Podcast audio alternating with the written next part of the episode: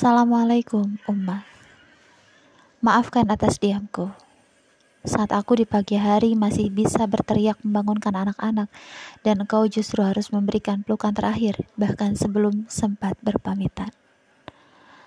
Atas aku yang masih saja mengeluhkan tingkah pola Ananda, sedangkan engkau di sana menatapi jasad Ananda yang tak lagi dapat kau dengarnya suaranya saat memanggilmu, Ummah. Maaf atas diamku yang bukannya membantumu namun malah menyibukkan diri dengan keributan masing-masing. Maafkan diamku yang membuatmu harus melepas satu persatu buah hati yang dulu engkau timbang dengan kasih. Uma, maafkan aku yang bereja membantu semaksimal mungkin, namun nyatanya masih saja membantu perusahaan raksasa yang uangnya justru dikucurkan untuk menumpahkan darah anak-anakmu. Duhai Uma, Maafkan aku yang sibuk beralasan dan mengucap banyak kata tanpa melakukan satupun aksi nyata untuk mengucap air matamu.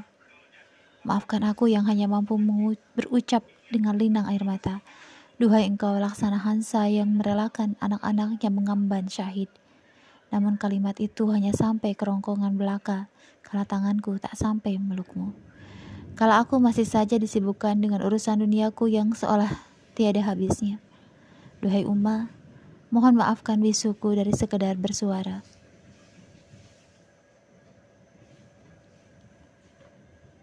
Tentangmu. Menyuarakan pedihmu hingga kering luka di hati dan bebas bumimu dari penjajah yang merampas kelak tawa anak-anakmu. Duhai ummah, sungguh, lukamu adalah dukaku. Meski aku masih saja bergulat dengan diriku sendiri dan tolong maafkan aku untuk itu, wahai umat.